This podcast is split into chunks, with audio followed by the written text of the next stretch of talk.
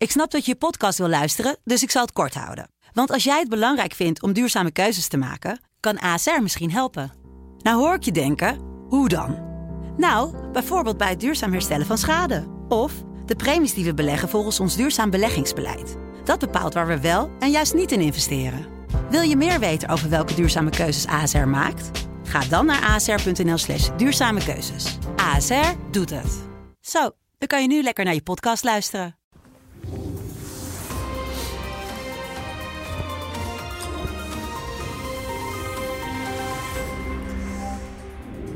Welkom weer bij het wekelijkse gesprek met Paul Jansen, hoofdredacteur natuurlijk van eh, de Telegraaf. Paul, we zitten de komende vier weken in een uh, lockdown.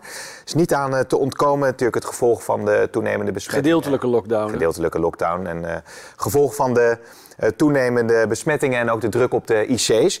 we gaan het hebben over de manier waarop de, het kabinet de crisis te lijf gaat en ook de communicatie. Er werd in de persconferentie gevraagd aan het kabinet hoe ze eigenlijk naar hun eigen optreden kijken.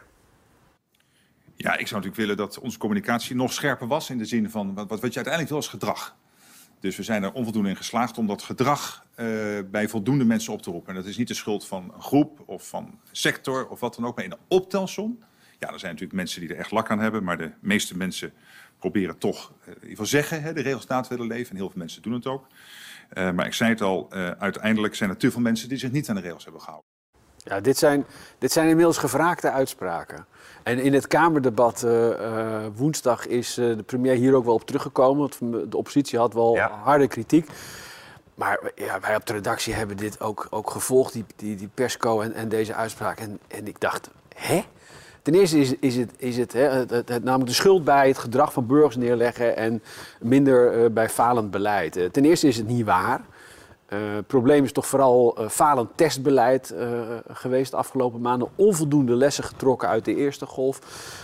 Maar ook al zou het waar zijn, het tweede punt is, zoiets helpt natuurlijk niet door mensen verwijten te gaan maken. Als je zo'n persconferentie houdt waar 7 miljoen mensen naar zitten te kijken, dan moet je ze meenemen in je verhaal. Je moet ze motiveren, want het kabinet wil, hè, dat is goed voor de hele samenleving, dat wij ons allemaal strikter aan, aan strengere maatregelen uh, gaan houden. Ja, en zo'n boodschap is dan, is dan op een toon alsof burgers een stelletje kleuters zijn. Terwijl je, je, moet ze motiveren, je moet ze meenemen. Dat is heel onverstandig. Maar we hebben gisteravond ook nog die beelden gezien van die cafés op het plein, hè, of in ieder geval een tent. Ja, dat waren wel um, kleuters. Uh, nou ja, dat is wat ik wil zeggen. Kijk, dat is natuurlijk wel het mantra van het kabinet van Rutte geweest. Van ja, we geven een dringend advies. Uh, dit is uh, wat je moet doen. En het werd ook niet echt opgevolgd. Dus in die zin zou je op. dat wel kunnen zeggen, toch? Ja, kom op zeg. Als jij dringend advies geeft, niet door rood te rijden dan, dan kan ik je vertellen, gaan er heel wat ongelukken plaatsvinden. Want dan heeft ja. iemand haast die zegt, nou het is een dringend advies, ik rij nu maar even door. Dan komt er iemand van de andere kant, bats.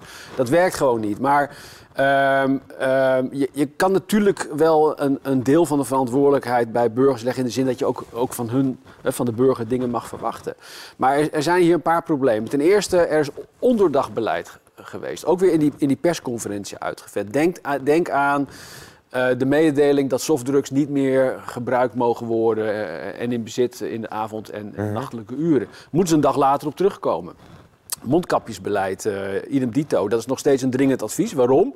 Ja. Men heeft de wettelijke basis nog steeds niet op orde. Hebben toch, toch behoorlijk tijd gehad, zou je kunnen zeggen. Uh, ten tweede is een inconsistent beleid. Denk bijvoorbeeld aan het advies van het OMT. Dat zijn de experts die het kabinet adviseren. Die, die hebben uh, aangegeven ten aanzien van het onderwijs dat ze misschien voor het hoger onderwijs een, een studiestop moeten overwegen. Er was wat verdeeldheid over. Wat heeft het kabinet gezegd? Wij vinden het onderwijs te belangrijk, gaan we niet doen. Tegelijkertijd, ten aanzien van de horeca, daar hebben de experts van gezegd, die restaurants die hmm. kunnen wel open blijven. En daar zegt het kabinet weer van, ja, we gaan aan de veilige kant zitten, want wij vinden gezondheid te belangrijk. Wat moet je nou als burger met dat soort wisselende boodschappen? Als je die twee, dus onderdagbeleid, inconsistent beleid bij elkaar optelt, dan krijg je natuurlijk warrige communicatie. Het kleutergedrag van, van burgers. Nee, maar warrige communicatie, dat is, dat is wat, je, wat je ziet. En dan ga je vervolgens ook nog eens een keer naar burgers ja. bewijzen. Ja, ik, ik vond dit echt, dit is even voor de, voor de studieboeken communicatie hoe het niet moet. Ja, laten we eventjes de uien verder pellen. Want als het over die uh, mondkapjes gaat, uh, dan was uh, deze week Van Dissel in de Tweede Kamer met een mondkapje. Dat vond ik eigenlijk een heel symbolisch beeld. Want ik heb hem ook zelf vaak ondervraagd. En ja, eerst was het natuurlijk helemaal niet nodig. Toen was er wellicht wel advies of een wetenschappelijk onderzoek... wat eventueel aantonen dat het enig nut had. Ja. En nu liep de goede man zelf met een mondkapje in de Tweede Kamer. Dat beeld, dat beklijft er wel bij mij. Nou ja, eh, wat ik ervan meekrijg is dat hij er zelf ook niet zo in gelooft. Maar het, is, het moet dan een soort statement zijn. Maar dat, dat is ook... Ja, doe dat consequent of doe het niet. Eh, weet je, het is, het is ook... En, zeker op middelbare scholen waar ook wordt geadviseerd om mondkapjes te dragen. Ja, wat denk je nou? Eh, dat, dat, dat, dat pubers, hoe ze daarmee omgaan als het een advies is. Dat, dat gaat gewoon niet werken. En het, het meest opvallende hier is toch wel... En ook weer gisteren in dat Kamerdebat... dat premier Rutte, die toch bekend staat als iemand die juist in crisis goed kan managen. Hij is niet de man van de visie en, en de vergezichten. Maar als er een probleem is, een crisis, dan weet hij doorgaans wel hoe hij hoe die daarmee om moet gaan. En hier, het vliegt alle kanten op. Het is echt met, met cijfers van, van, van ziekenhuisopnames waar onduidelijkheid over is. Een mondkapjesbeleid wat onduidelijk is. Eh, aantal besmettingen wat, wat eh, ook qua testbeleid niet op orde is. Eh, en met name, en dat is het aller, allerbelangrijkste, is consistent beleid en heldere communicatie. Anders krijg je de burgers niet mee. En als je daar niet in slaagt, omdat jij fouten maakt, dan moet je vooral niet nog, eens- Nee, nog een keer gaan nee. lopen wijzen. Wat dat betreft, die, eh, die routekaart die we dan nu hebben. We zitten inderdaad één fase voor de hele lockdown. Maar Ja. dat is dan wel een middel wat misschien meer eenduidigheid en duidelijkheid gaat creëren.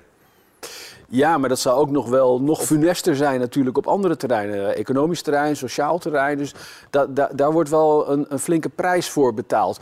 Maar eh, vergeet niet, Pim, mensen zitten nu al ruim een half jaar in vaak beperkende omstandigheden. Hè. Sinds die eerste golf is, is de samenleving op zijn kop gezet. Eh, wij zien het bij ons ook. Wordt, eh, wordt al eh, ruim een half jaar wordt er thuis gewerkt door heel veel, heel veel mensen. Alleen een klein team wat op de redactie moet zijn, eh, mag daar ook zijn. Eh, er zijn allerlei andere beperkingen eh, die, die eh, mensen de afgelopen maanden hebben gevoeld. Dus je moet als, als bestuur, als landsbestuur, moet je de mensen meenemen in een verhaal en ook perspectief bieden. Ja. En ik, ik zie dat allemaal niet. In plaats daarvan zie ik een, een politieke rituele dans gisteren in de Tweede Kamer. Waar Rutte om, om, om de boel maar een beetje te sussen met de oppositie.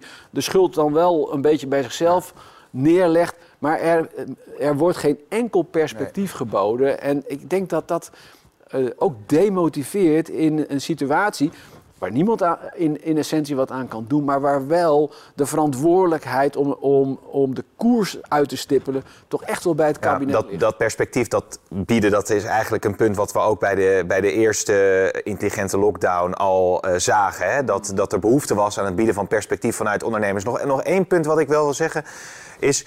Ehm, Kijk, je ziet dat elk Europees land het bijvoorbeeld toch ook weer anders aanpakt. Hè? I- Wat natuurlijk ter verdediging van het kabinet gezegd kan worden, is van ja, die crisis komt op ons af. Eh, Eigenlijk is geen maatregel misschien 100% eh, goed. Eh, Als je links aan touwtjes trekt, is rechts weer boos en andersom.